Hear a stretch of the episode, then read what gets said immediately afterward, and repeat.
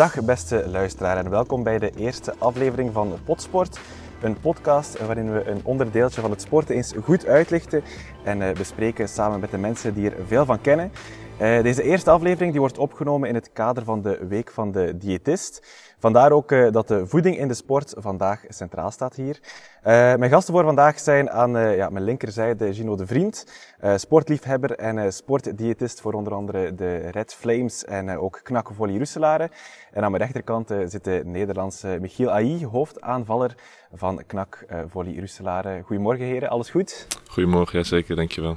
Goedemorgen, ja zeker ook wel. Het onderwerp van vandaag is natuurlijk uh, die week van de diëtist die er uh, aan te ja. komen. Um, ja, en ja, het onderwerp is dan ook voeding. Uh, jij bent sportdiëtist.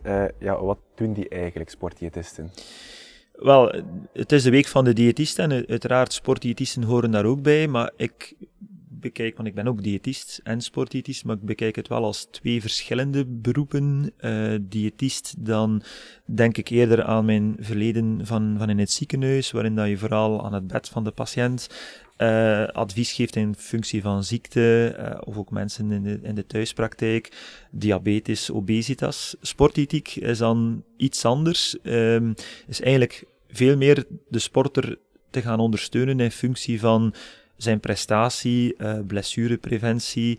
Um, we doen natuurlijk hier, en ik denk dat Michiel daar uh, zeker ook een woordje kan over vertellen, regelmatige screening van de bodycompositie, omdat we ook wel weten in, in volleybal dat dat toch belangrijk is, uh, dat, dat atleten ook atleet zijn. Dus het is eerder vanuit een, een andere invalshoek dat we gaan kijken naar het vlak van sportvoeding. Hoe kunnen we die prestatie ondersteunen? Uh, hoe kunnen we de recuperatie, bijvoorbeeld play-offs, eh, heel veel wedstrijden na elkaar, hoe kunnen we die, die recuperatie een stukje hoe, gaan stimuleren? Hoe belangrijk is uw rol daar dan precies in? Goh, ik denk dat dat, uh, moet dat ook niet belangrijker maken of dat het is, maar ik denk dat een deeltje van de schakel is rondom de sporter. Eh, onze arts die de medische begeleiding doet, uh, de trainingen zijn natuurlijk het allerbelangrijkste. Maar ik denk op bepaalde momenten dat het belangrijker zal zijn dan op andere momenten. Ik kijk dan zeker naar die play-offs bijvoorbeeld. Um, maar gewoon, het is een beetje een rode draad. Uh, alle spelers weten dat ik uh, drie wekelijks ongeveer langskom. En, en met mijn tangetje, Michiel, uh, dan even check zo, zonder, zonder te veroordelen, maar, maar eerder ondersteunend. En kijken van, wat is uw situatie? Iedere sporter heeft al een keer een minder moment. Maar ik denk door een klein beetje de jongens scherp te houden. Um, ja, zeker nogmaals in, in volleybal is gewicht nu eenmaal een, uh, een belangrijke factor. Ja. Michiel, hoe hard ben jij bezig met, met de voeding en jouw gewicht en zo? Wat, je, wat ik net zei, wat je net vroeg aan Gino, van hoe belangrijk zijn rol is. Ik denk dat het daar ook heel belangrijk in is van per speler te spelen. Sommige spelers zijn het al heel erg gewend. Um, ik krijg ook regelmatig de vraag van, joh, let je nou heel erg op je eten? En eigenlijk nee. Uh, ik let niet meer op mijn eten. Maar ik denk ook dat dat heel komt omdat je gewoon een bepaalde gewoonte hebt gemaakt. Van dit eet ik, dit heb ik nodig. Dus nee, ik let er niet meer op. Tuurlijk zijn er periodes dat ik bij Gino kom en dan geeft hij me feedback van, ja, heb je te veel gegeten, heb je te weinig gegeten. Die, dat is het enige waar je dan even op let. Van oké, nou, ik heb de afgelopen tijd te veel gegeten. Oké, dat kan dus af en toe wat minder. Maar het is niet dat ik denk van, oeh, ik moet dit en dit eten. Dat is gewoon een bepaalde automatisme geworden. Ik, ik ga naar de winkel, ik koop dit, dit, dit en dit. En dat eet ik dan op gedurende de week, ja. Zo ja. is het meer voor mij. En, hoe belangrijk was dat aandeel van Gino in, in het, die, het aanleren van die gewoontes? Als ik dan terugkijk naar vroeger, hè, want dat heb ik natuurlijk al geleerd toen ik 14, 15 was. Ik denk dat het daarin de grootste, echt allergrootste leermomenten zitten. Zeker als je dat opslaat en ook hem naar kunt gaan leven als speler. Um, desondanks denk ik niet dat nu kom je, je leert je lichaam kennen en je komt andere situaties toch weer tegen.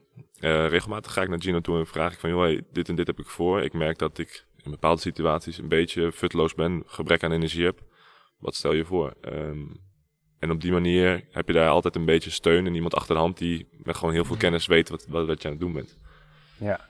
Merk je daar ook de, dat er nu minder is dan bijvoorbeeld in het begin? Maar dat is, dat is in alle sporten wel een beetje zo. Dus eigenlijk moet je heel veel investeren in, in de jeugd. Bijvoorbeeld, dat is nu ook het, uh, het, de case bij de Red Flames bijvoorbeeld. Eigenlijk als je Red Flames zit, als je speler van Knak Roeslaren van de A-ploeg bent, ja, je moet dan nog alles leren over uh, wat moet ik eten, hoe moet ik recupereren, hoe moet ik mijn wedstrijd voorbereiden. Ja, dan ben je, ja, dan ben je te laat in, in, in het toepassen van die info. Dus je moet meer inzetten op, op jeugd. En uh, ik denk, het gaat inderdaad, zoals Michiel zegt, het gaat niet meer over volledige eetschema's die moeten gemaakt worden, maar heel vaak gaat het over kleine dingetjes, hè, eh, wat dan Michiel net ook zei, van ik voel me eigenlijk al een tijdje wat minder goed bijvoorbeeld op een training, ik heb, ben precies wat vetloos, uh, ik denk dat ik veel zout verlies, uh, kan ik dat wat aanpassen, ik heb al last van krampen, ik recupereer niet goed. Het zijn allemaal kleine dingetjes dat je bijna op een bierveeltje als het ware soms noteert, dat is soms de inbreng of dat is soms de, het, het, het advies dat, dat, dat ik op dit moment moet geven.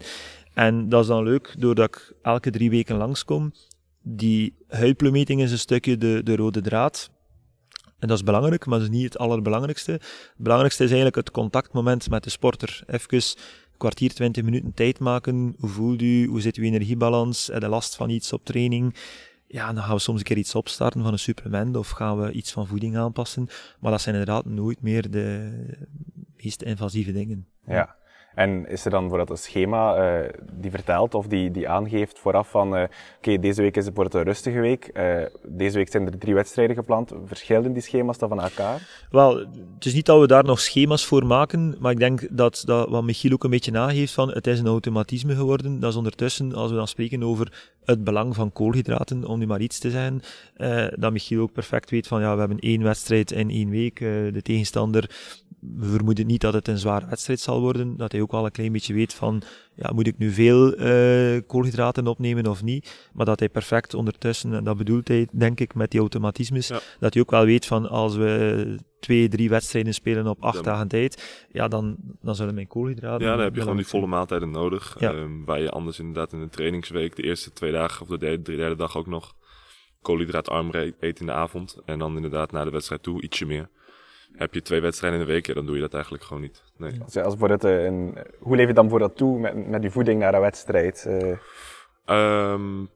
ik heb nou altijd hetzelfde wat ik nu eet. Gewoon puur omdat ik geen last wil hebben van mijn buik en dergelijke. Dus ik eet nu altijd hetzelfde. Dat is rijst, kip, uh, spersieboontjes met een beetje kokosmelk erdoor. Dat is een recept van Gino wat ik heb gekregen dit jaar. Dat bevalt heel goed, dus daar, daar wijk ik niet meer van af. Um, dus dat uh, is één deel waarin ik gewoon altijd hetzelfde doe. Verder heb ik niet echt speciale dingen, denk ik. Ik weet niet waar je precies op doelt. Tuurlijk, je zorgt dat je genoeg drinkt. Het kon, ja, het kan zijn dat je iets speciaals doet uh, voor elke wedstrijd, blijkbaar hetzelfde recept. En als er drie wedstrijden zijn in de week, is dat dan drie keer het, dezelfde als maaltijd? Als ik zelf kan koken, altijd, ja. Ja. ja. en natuurlijk heb je ook situaties dat je niet uh, thuis bent. Zeg maar, ik zeg maar wat, in Bulgarije ben je op hotel. Ja, dan is het moeilijk. Maar dan probeer je ja, de veilige dingen te eten, uh, om zo maar te zeggen. Dat ging ik nog vragen. Jullie, jullie moesten Europees in Bulgarije spelen dan. Ja. Uh, ik kan me voorstellen, als je daar gaat winkelen, dat je iets helemaal anders tegenkomt in de supermarkt dan hier. Breken. Zo mee vanuit België naar daar? Of nee, hoe werkt nee. dat? We zitten dan over het algemeen gewoon in goede hotels, uh, waar we prima kunnen eten. En dat is ook daar wel het geval geweest. Ja, er liggen daar wel dingen die je hier niet zo snel zou vinden, maar die laat ik dan ook liggen. Gewoon uit, uit veiligheid. Weet je? Het zal misschien heel lekker zijn, Misschien ook niet. Ik zou er nooit achter komen. Maar ik ben bang dat ik dan last krijg van mijn buik of iets dergelijks. Dus nu, vandaag, weet je nog niet eh, of je vanavond moet spelen of morgen. Nee, eh, wat ligt er dan in de koelkast klaar voor? Eh? Het wedstrijd eten ligt klaar voor vanavond. En anders dus morgen nog een keer. Ja. Als het moet, eh, dan ik... kan de kip met curry en rijst. Ja, zeker. Dan ik die morgen gewoon nog een keer. Dat is geen probleem. Oké. Doe je ook iets speciaals na de wedstrijd om te recupereren dan?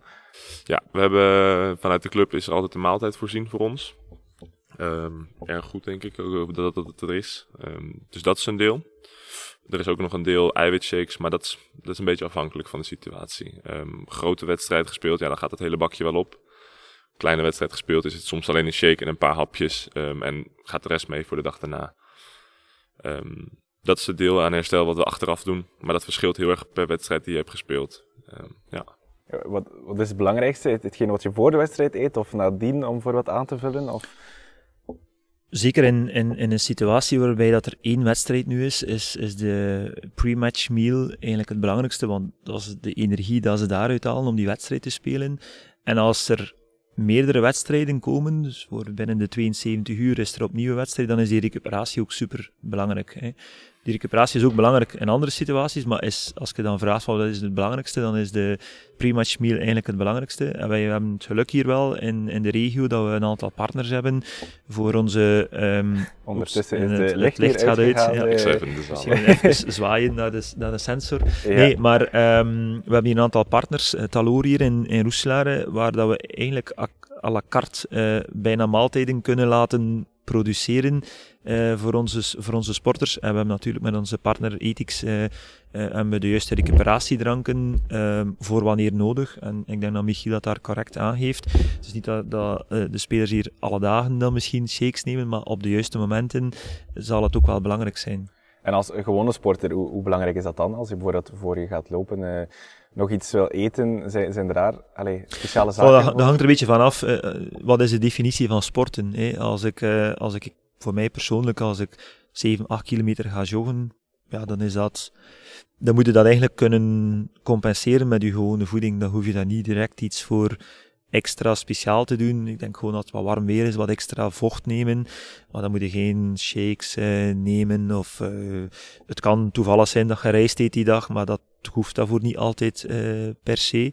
Um, maar als natuurlijk inspanningen zijn die, die toch ook wel voorbij een zekere grens gaan, ja, dan, dan zal ik ook voor mijzelf of voor andere mensen diezelfde tip geven, zoals dat Michiel nu zijn voeding heeft aangepast. En hij benoemt nu rijst met kip en, en die boontjes, maar dat kan eigenlijk voor andere sporters een totaal andere maaltijd zijn.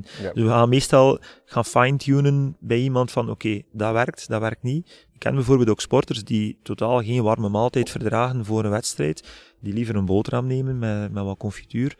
Ja, als, als je je daar goed bij voelt, dan is dat ook jouw perfecte uh, sportmaaltijd. En je merkt meestal wel dat daar een soort van traditie in zit. Wat dat Michiel nu vertelt, daar schrik ik niet van. Ik ken heel veel sporters die zich goed voelen bij een bepaalde sportmaaltijd. En waarbij dat onze kok in andere clubs uh, altijd hetzelfde moet klaarmaken. Ja. Is het dan voor het ook gezond om, om niet te eten voor je gaat sporten? Al, ik zeg, ik zeg maar iets, als je s ochtends gaat gaan lopen, uh, dat je daar gewoon ja. opstaat en gaat gaan lopen. En, uh, ja. ja, je bedoelt waarschijnlijk het nuchter sporten. Ja. Hè? Ja, dat is een, een vrij populaire trainingstechniek. Ik moet wel een kantlijn erbij plaatsen dat het soms wel een keer misbruikt wordt door mensen die een klein beetje ontspoord geraken in de relatie uh, ja, zelfbeeld, voeding, uh, sport. Als het inderdaad voor, voor kleinere inspanningen zijn, dan kan dat zeker wel nuttig zijn om, om een keer te doen. Maar als je toch intensief traint met veel interval of je traint lang, dan is dat eigenlijk niet zo uh, ideaal, omdat je op die manier ook, ook overtraind kunt geraken en daar misschien ook je, je sportieve doelstellingen niet mee kunt uh, bereiken. Vanaf wanneer moet je dan eigenlijk echt beginnen letten op wat je eet als sporter? Ja, die, die afkapwaarden, dat hangt natuurlijk een beetje van je conditie ook af, maar ik denk uh, al snel als je looptrainingen doet bijvoorbeeld, uh, meer dan, dan 12, 14 kilometer, dat je toch al extra moet nadenken van hoe ga ik mijn energiebalans toch wel wat bijsturen, zeker ook een vochtbalans eh, goed opvolgen. Maar dat kan ook een, een krachttraining zijn als je een opbouwtraining doet in de fitness en je wil wat spiermassa winnen. Ja, dan zal je eiwitinname ook wat hoger moeten zijn dan dat je zo wat recreatief gaat fitnessen. Dus het gaat er van je, je, getraindheid een stukje af en dan het programma dat je volgt van is het uh, iemand die gewoon is van 12 kilometer te lopen, ja, dan zal die dat zonder veel sportvoeding kunnen doen. Is dat iemand die dat niet gewoon is, dan, dan gaat hij dan misschien iets meer moeten opletten om, uh, om wat extra energie op te nemen. Michiel, wanneer ben jij ongeveer beginnen met het letten op je voeding en hoe je toeleeft naar een training en zo verder? Het letten op mijn voeding, um, ja, toch wat ik net ook al zei, 13, 14 jaar. Um, eerste jaren Papendal, het uh, trainingscentrum in Nederland. Daar hadden we ook de begeleiding vanuit een diëtiste. Um, en dat begint daar gewoon inderdaad, wat Gino zegt, met gewoon echt het leren. Van wat, wat, wat, wat houdt het eigenlijk in? Wat was de dus- eerste les dan bijvoorbeeld? Wel, het zijn powerpoints. Uh, het zijn echt gewoon powerpoints. En dan de eerste les is de eiwitinname 30 minuten na een krachttraining. Uh, dat is hetgeen wat mij als eerste bij is gebleven in ieder geval. Ja. Uh, daarin wat ook heel belangrijk is geweest, denk ik, is dat je voeding eigenlijk de basis is. En dat supplementen en alles tegenwoordig zijn super populair. En ik denk ook echt wel dat ze een meerwaarde hebben. Maar niet als er ergens in die voeding, de basisvoeding, iets ontbreekt. Dan is dat veel crucialer dan dat je die supplementen erbij neemt. Um, die twee dingen zijn toch de eerste twee lessen die mij blij blijven als ik denk van ja, um, wat hebben ze me toen geleerd? Ja, zeker dat. En, en uh, merk je dat dan ook, bijvoorbeeld uh, ja, als je daar dan begint over te leren, dat die, dat die ook wel een invloed hebben op jouw prestaties of hoe je je voelt tijdens het sporten? Um, ja en nee, dat verschilt natuurlijk ook heel erg per dag. Ik, soms kun je zeggen van ah, shit, ik heb te weinig gegeten. Uh, en dan kun je het inderdaad terug, terughalen van ja, hier komt het door. je hebt ook andere dagen dat dat niet zo is. Dat je weet van ik heb alles perfect gedaan uh, qua voeding en dergelijke. En dan kom je er niet uit. En dan zou een moment zijn, ik ga ik naar de Gino toe. Dus daarin leer je steeds meer, steeds meer van oké, soms denk je ik heb te weinig suikers binnengekregen. Terwijl het soms een probleem van zouten kan zijn dat ik na de training uh, heel duizelig word. In mijn hoofd gaat dan meteen sugar dip. Ga ik naar Gino toe, dan zegt hij van ah, let ook eens op je, op je zouten. Ja. Dus daarin leer je steeds meer, zeker ja. En is het altijd duidelijk wat dat er aan de basis ligt dan bijvoorbeeld van, van een dipje? Niet altijd. Allee, meestal zal ik dan wel wat extra vragen stellen om het probleem proberen een klein beetje in, in, in kaart te brengen. Maar soms is dat gewoon uittesten dan en, en kijken van, evalueren van is het beter, is het niet beter. Maar meestal kunnen we wel gerecht, um, allee, als, als ik het probleem hoor, dan in dit geval, het kan een suikerdip zijn, maar het kan ook een, we hebben hier een paar jaar geleden met de Universiteit van Gent een uh, zweetonderzoek gedaan. En voor mij was het ook wel ontluisterend dat toch bepaalde sporters uh, je zou het niet altijd denken als je het ziet in training, maar toch heel veel vocht verliezen per uur.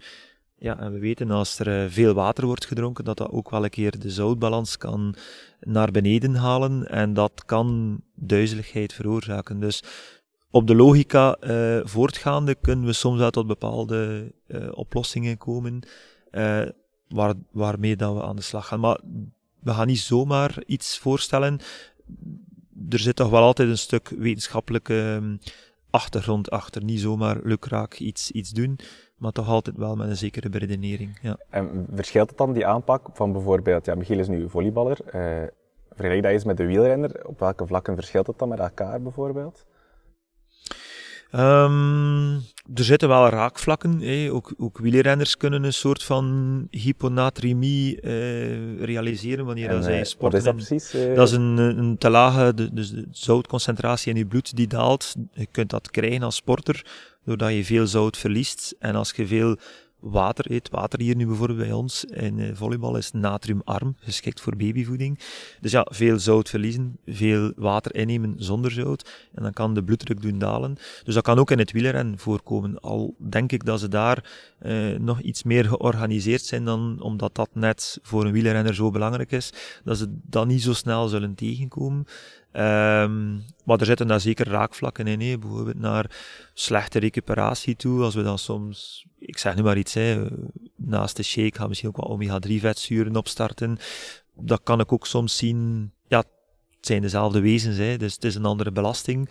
Maar de problemen die soms kunnen ontstaan, ja, dan zien we wel raakvlakken. Ja, je, je, werkt ook bijvoorbeeld met, met voetballers, met wielrenners. Is er dan uh, een specifieke voedingsplan? Oké, dit is uh, een wielrenner, ik heb een, een plannetje klaar en uh, dan stel ik het af op de, op de persoon. Ja. Of is het niet zo specifiek per sport? Daar merk ik wel een groot verschil in omdat ja, een, een voetbal is een, is een teamsport, waarbij dat het, het talent natuurlijk van de sporter op het veld uh, ja, super belangrijk is. Um, maar je merkt in het wielrennen minste foutje die gemaakt wordt op het vlak van ik heb één drinkbus gemist, ik heb dat ene gelletje gemist. Ja, als die mannen naar hoge snelheid uh, fietsen, ja, dan, dan kun je dat niet verstoppen. Je kunt niet zeggen, ik ga even uh, mijn voeten stilhouden op de pedalen, of, of het, is, het is voorbij.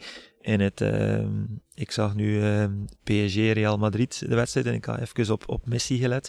En die was eigenlijk wel vaak zo, gewoon aan het wandelen op het veld. Ja, dan denk ik, als je een energiedip hebt, dat het misschien, het is ook niet positief natuurlijk voor de prestatie, maar dat het minder zal opvallen per definitie in voetbal, dat er iets meer rustmomenten zijn dan uh, bijvoorbeeld in het fietsen.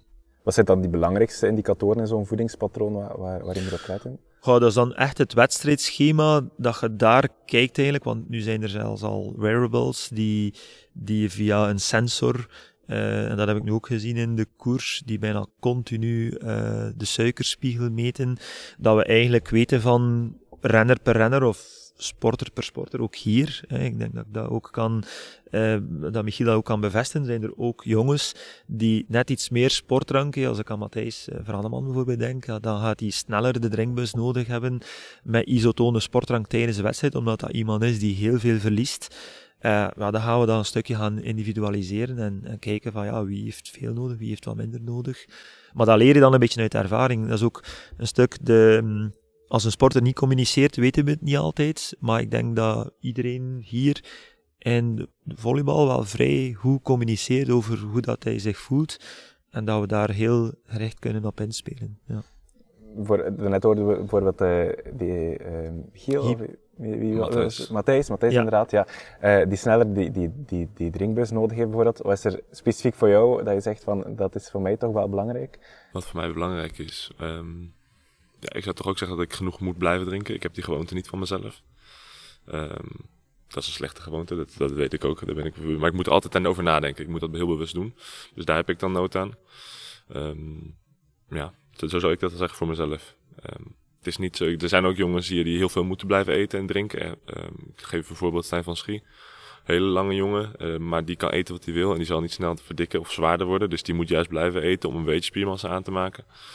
Zo zijn er heel veel persoonlijke situaties. En ik denk wat Gino zegt, ja, iedereen communiceert hier goed over hoe hij zich voelt. Maar dat heeft ook te maken met dat Gino is er gewoon om de drie weken. Dus je spreekt hem vaak. Uh, die, het is niet je wordt niet afgerekend als, het een keer, als je iets, keer iets hoger zit. Dat is allemaal gewoon een overleg om jou te ondersteunen.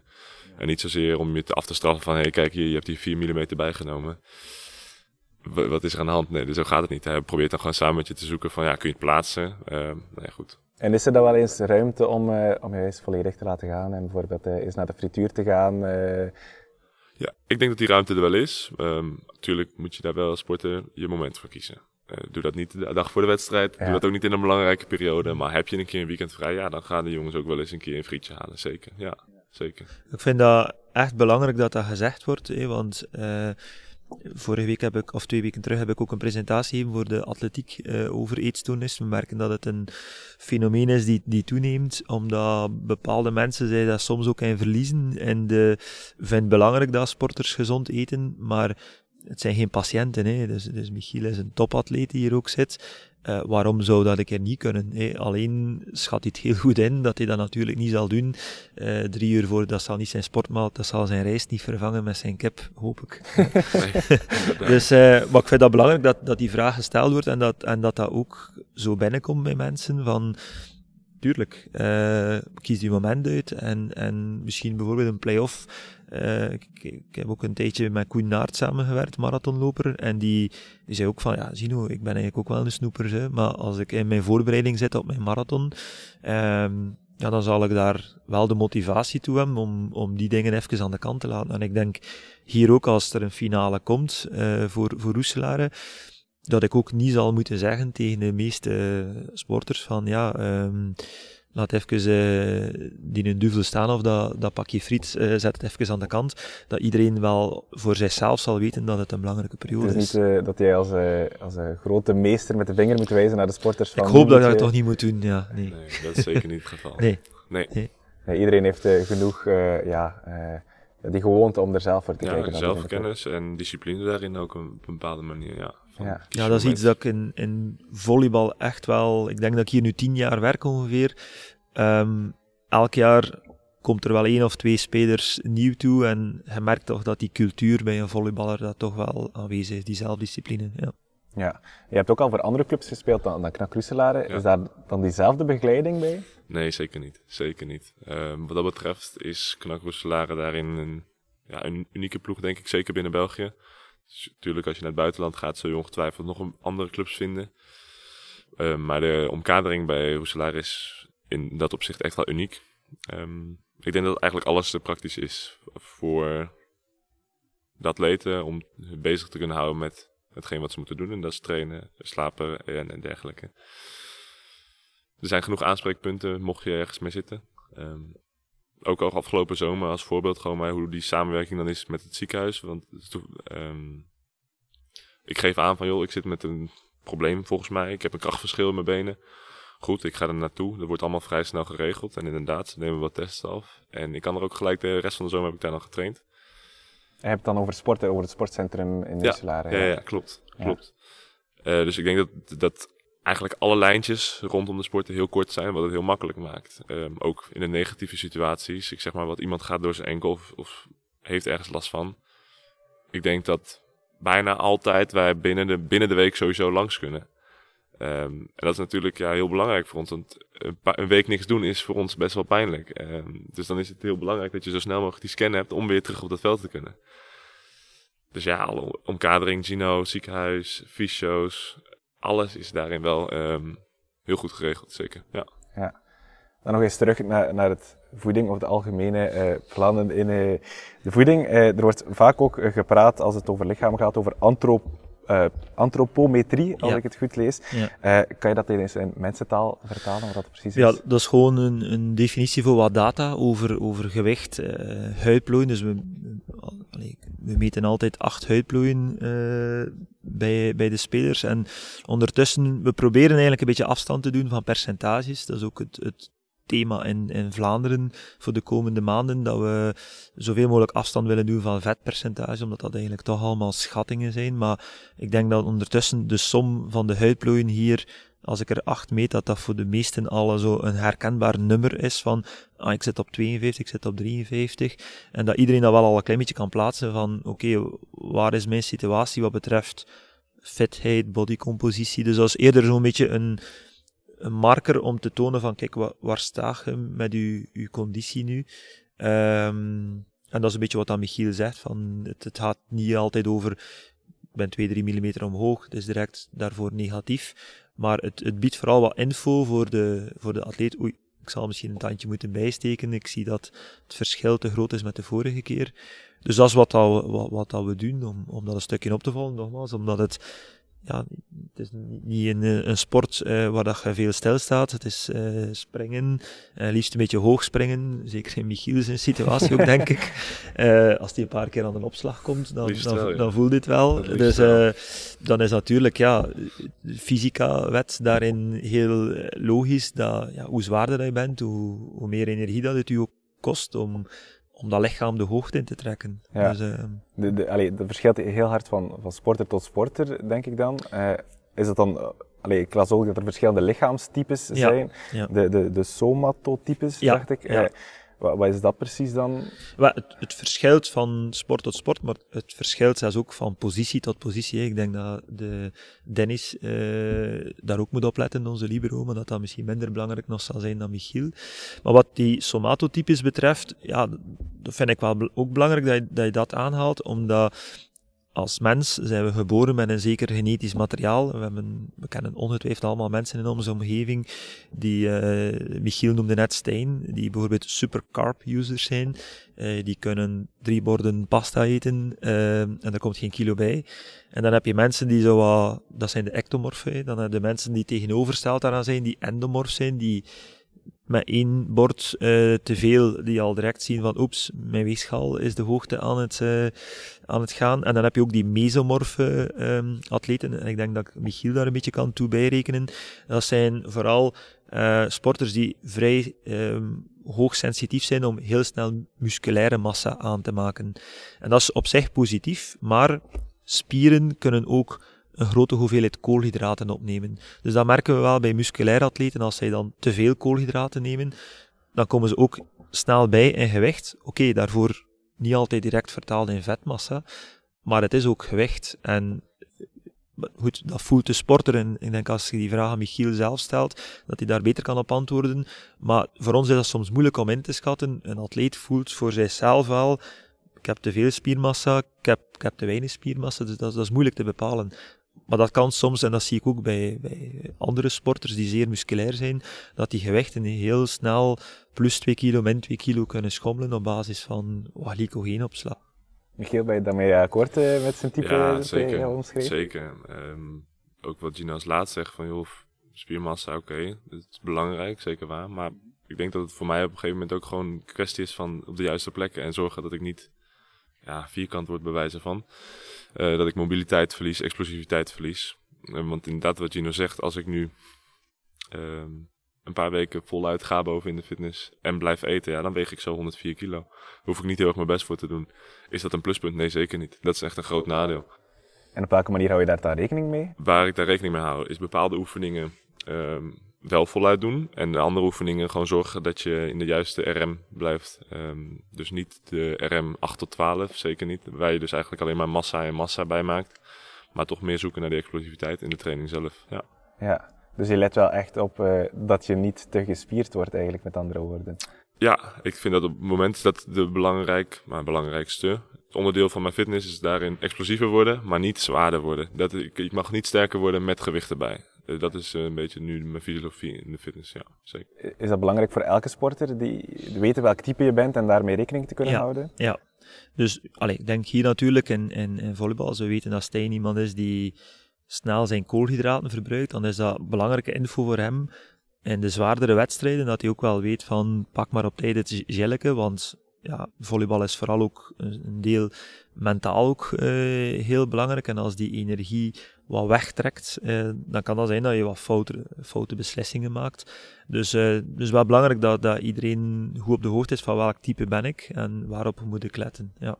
Enkel voor topsporters of ook bijvoorbeeld zoals je zelf denk ook in, in, in het dagdagelijks leven. Hè. Eh, mensen die, die toch wel eh, last hebben van een oplopend gewicht, ja, die, die moeten het eigenlijk doen met een pak minder koolhydraten. En vandaar het, het vroegere klassieke model zo, nu misschien typerend voor de week van de diëtist, de voedingsdriehoek die dan eh, groot kleurde met vrij veel brood voor iedereen.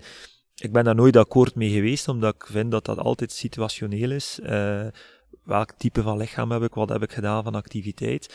Dus dat, dat je toch mensen hebt die, ehm, die het met een pak minder koolhydraten moeten doen, en anderen dan weer net wat meer, omdat ze dan een lichaam hebben die, die te, te snel verbrandt. Ja.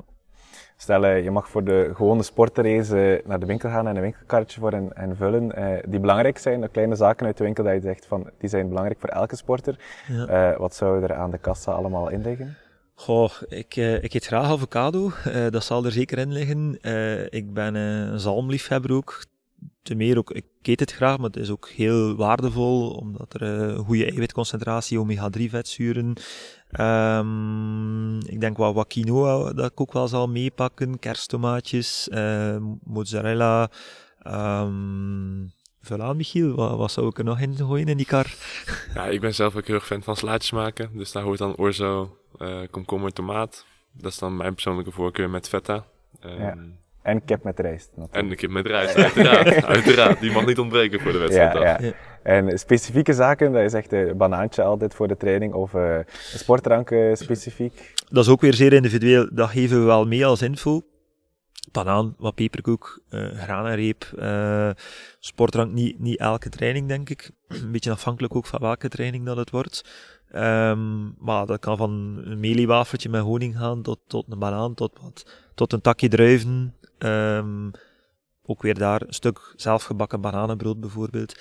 Eh, het, het kan alle kanten op. Ehm, maar we gaan niet eh, eenheidsworst serveren voor iedereen. Ja. In dat daar. En heb jij zo'n favoriete snack voor je een training aanvangt? eh? Eigenlijk helemaal niet. Nee, Nee, helemaal niet. Ik eet niks per se voor de training. Nee. ja. Oké, dus geen banaantje, geen eh, koek. Nee. eh, helemaal niks, nee. nee. Sommige dagen inderdaad, als ik merk tijdens de training van oeh, nu is het moment om even gauw wat te gaan eten. Dan hebben wij gelukkig hier van Ethics inderdaad wat repen liggen. Maar niet standaard elke dag iets of wat dan ook. Nee. Oké. Ik heb ook nog een klein quizje voorbereid eh, met informatie die ik gevonden heb op het internet. Dus de kans is groot dat er daar eh, ook wel enkele foutjes zijn eh, ingeslopen natuurlijk. Eh, het is juist of fout vragen. Ik ga ze altijd eerst aan jou stellen, Michiel. Dus dan mag jij jouw kennis eerst tentoonstellen over, eh, over voeding en eh, over voeding, ja, voeding in de sport. En dan eh, ja, laat ik je aan jou, Gino, om het juiste antwoord te zeggen. Ehm, goed, eh, de eerste vraag. Er zitten relatief, dus per 100 gram dan, Ja, eh, meer eiwitten in pindakaas dan in ei. Juist of fout? juist. Juist? Ja, juist. Ja. En hoe komt dat dan? Maar, eh, veel mensen denken eieren, het woordje eiwit zit daarin, want er zit ook eiwit in, maar het eiwit in een ei is ook heel veel vocht. Dus de, de eiwitconcentratie van een ei ligt ongeveer op, ik zei het nu van buiten, iets van 6 gram voor één ei of zo. Een pindakaas zal een pak hoger zitten. Ja. Ja. Goed, goede start. 1 op 1. dan vraag 2. nog eens over eiwitten. hè. Een, eh, een duursporter heeft meer eiwitten nodig per kilogram lichaamsgewicht eh, dan iemand die aan krachttraining doet. Fout. Fout? Ja, dat klopt inderdaad ook wel. Ehm, als je krachttraining doet, dan is er sowieso veel meer damage. Zo wat microrupturen in het spierweefsel die is gecreëerd. En dan draait die eiwitsynthese toch een pak eh, hoger. Of is er meer aanvoer nodig om de reparatie te doen. Zijn er dan andere zaken nodig voor iemand die meer duur sport dan eiwitten? eh? Eh, wel, daar gaan koolhydraten iets meer in beeld komen bij de pure kracht hier dan boven, achter het scorebord daar. Ja, is die koolhydraatbalans is er wel, maar is niet mega, mega belangrijk. Maar vooral dan de, de eiwitten na, na de inspanning zijn belangrijker. Ja. Ja. Goed, vraag eh, drie dan. Ehm, wie minder dan een uur loopt, hoeft geen extra voeding eigenlijk tijdens het sporten.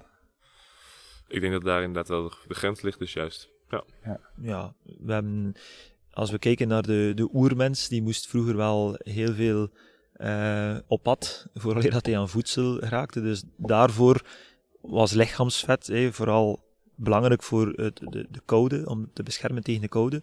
Maar was ook het uh, rustzakje met brandstof om te trekken van streek tot streek.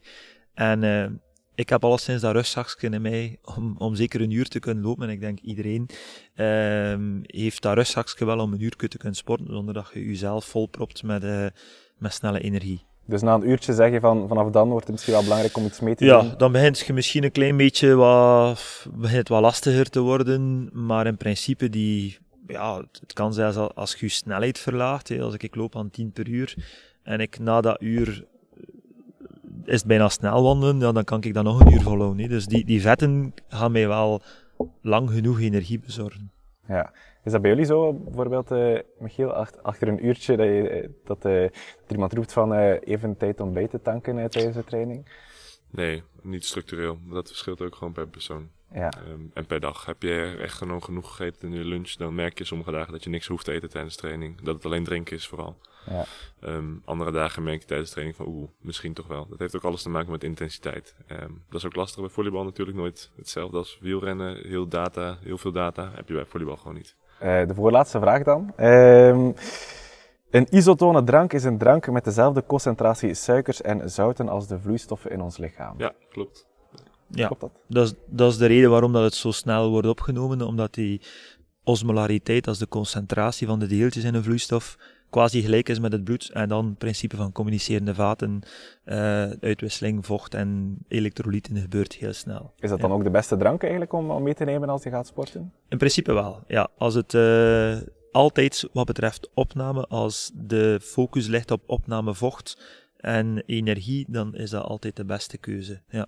Soms wordt er in de winter wel zo een energiedrank genomen als het heel koud is, omdat sporters dan misschien minder drinken, maar over het algemeen is het meeste isotone. Ja. Oké, okay, goed. Uh, we zitten aan de laatste vraag. Uh, nog eentje en voor een uh, perfect rapport uh, ja, daar kan beginnen. Ehm, vitamine C is heel belangrijk voor de opname van calcium in jouw lichaam en dus ook voor jouw botten. Ja, volgens mij wel. Ja, ja ik ga zeggen juist. Ja. Ik zeg fout, omdat het denk ik had hem op het verkeerd spoor gebracht. Het is vitamine D dat je waarschijnlijk bedoelt. Inderdaad. Uh, dat is een klein... Helaas. Strikvraagje, ja. Nee, ja, het is vitamine D die ja. zorgt voor het calciumopslag. Ja. ja um, vitamine D, hoe raak je daaraan? Voor de... Wel, uh, de zon is ons nu gunstig gezind, dus... Uh, als we kunnen met die uh, ontblote uh, armen even in de zon een half uur staan, dan wordt die vitamine D aangemaakt door het zonlicht is het zonlicht er helaas in België veel te weinig, of zeker ook bij uh, atleten met een iets donkere huid, dan zijn we wel afhankelijk van wat extra vitamine D-opname, omdat we dat zelden eigenlijk uit onze voeding halen. Er zijn wat bronnen, maar die zijn zodanig laag gedoseerd dat we in de winter best wel bij suppleren. Zit dat dan ook in het, het trainingsschema? Ik zeg nog maar iets, uh, ja, we moeten eens buiten trainen, omdat we toch die portie vitamine D... Uh, nee, dan uh, zeker ook in ons geval, dan is het toch gewoon de supplementaire...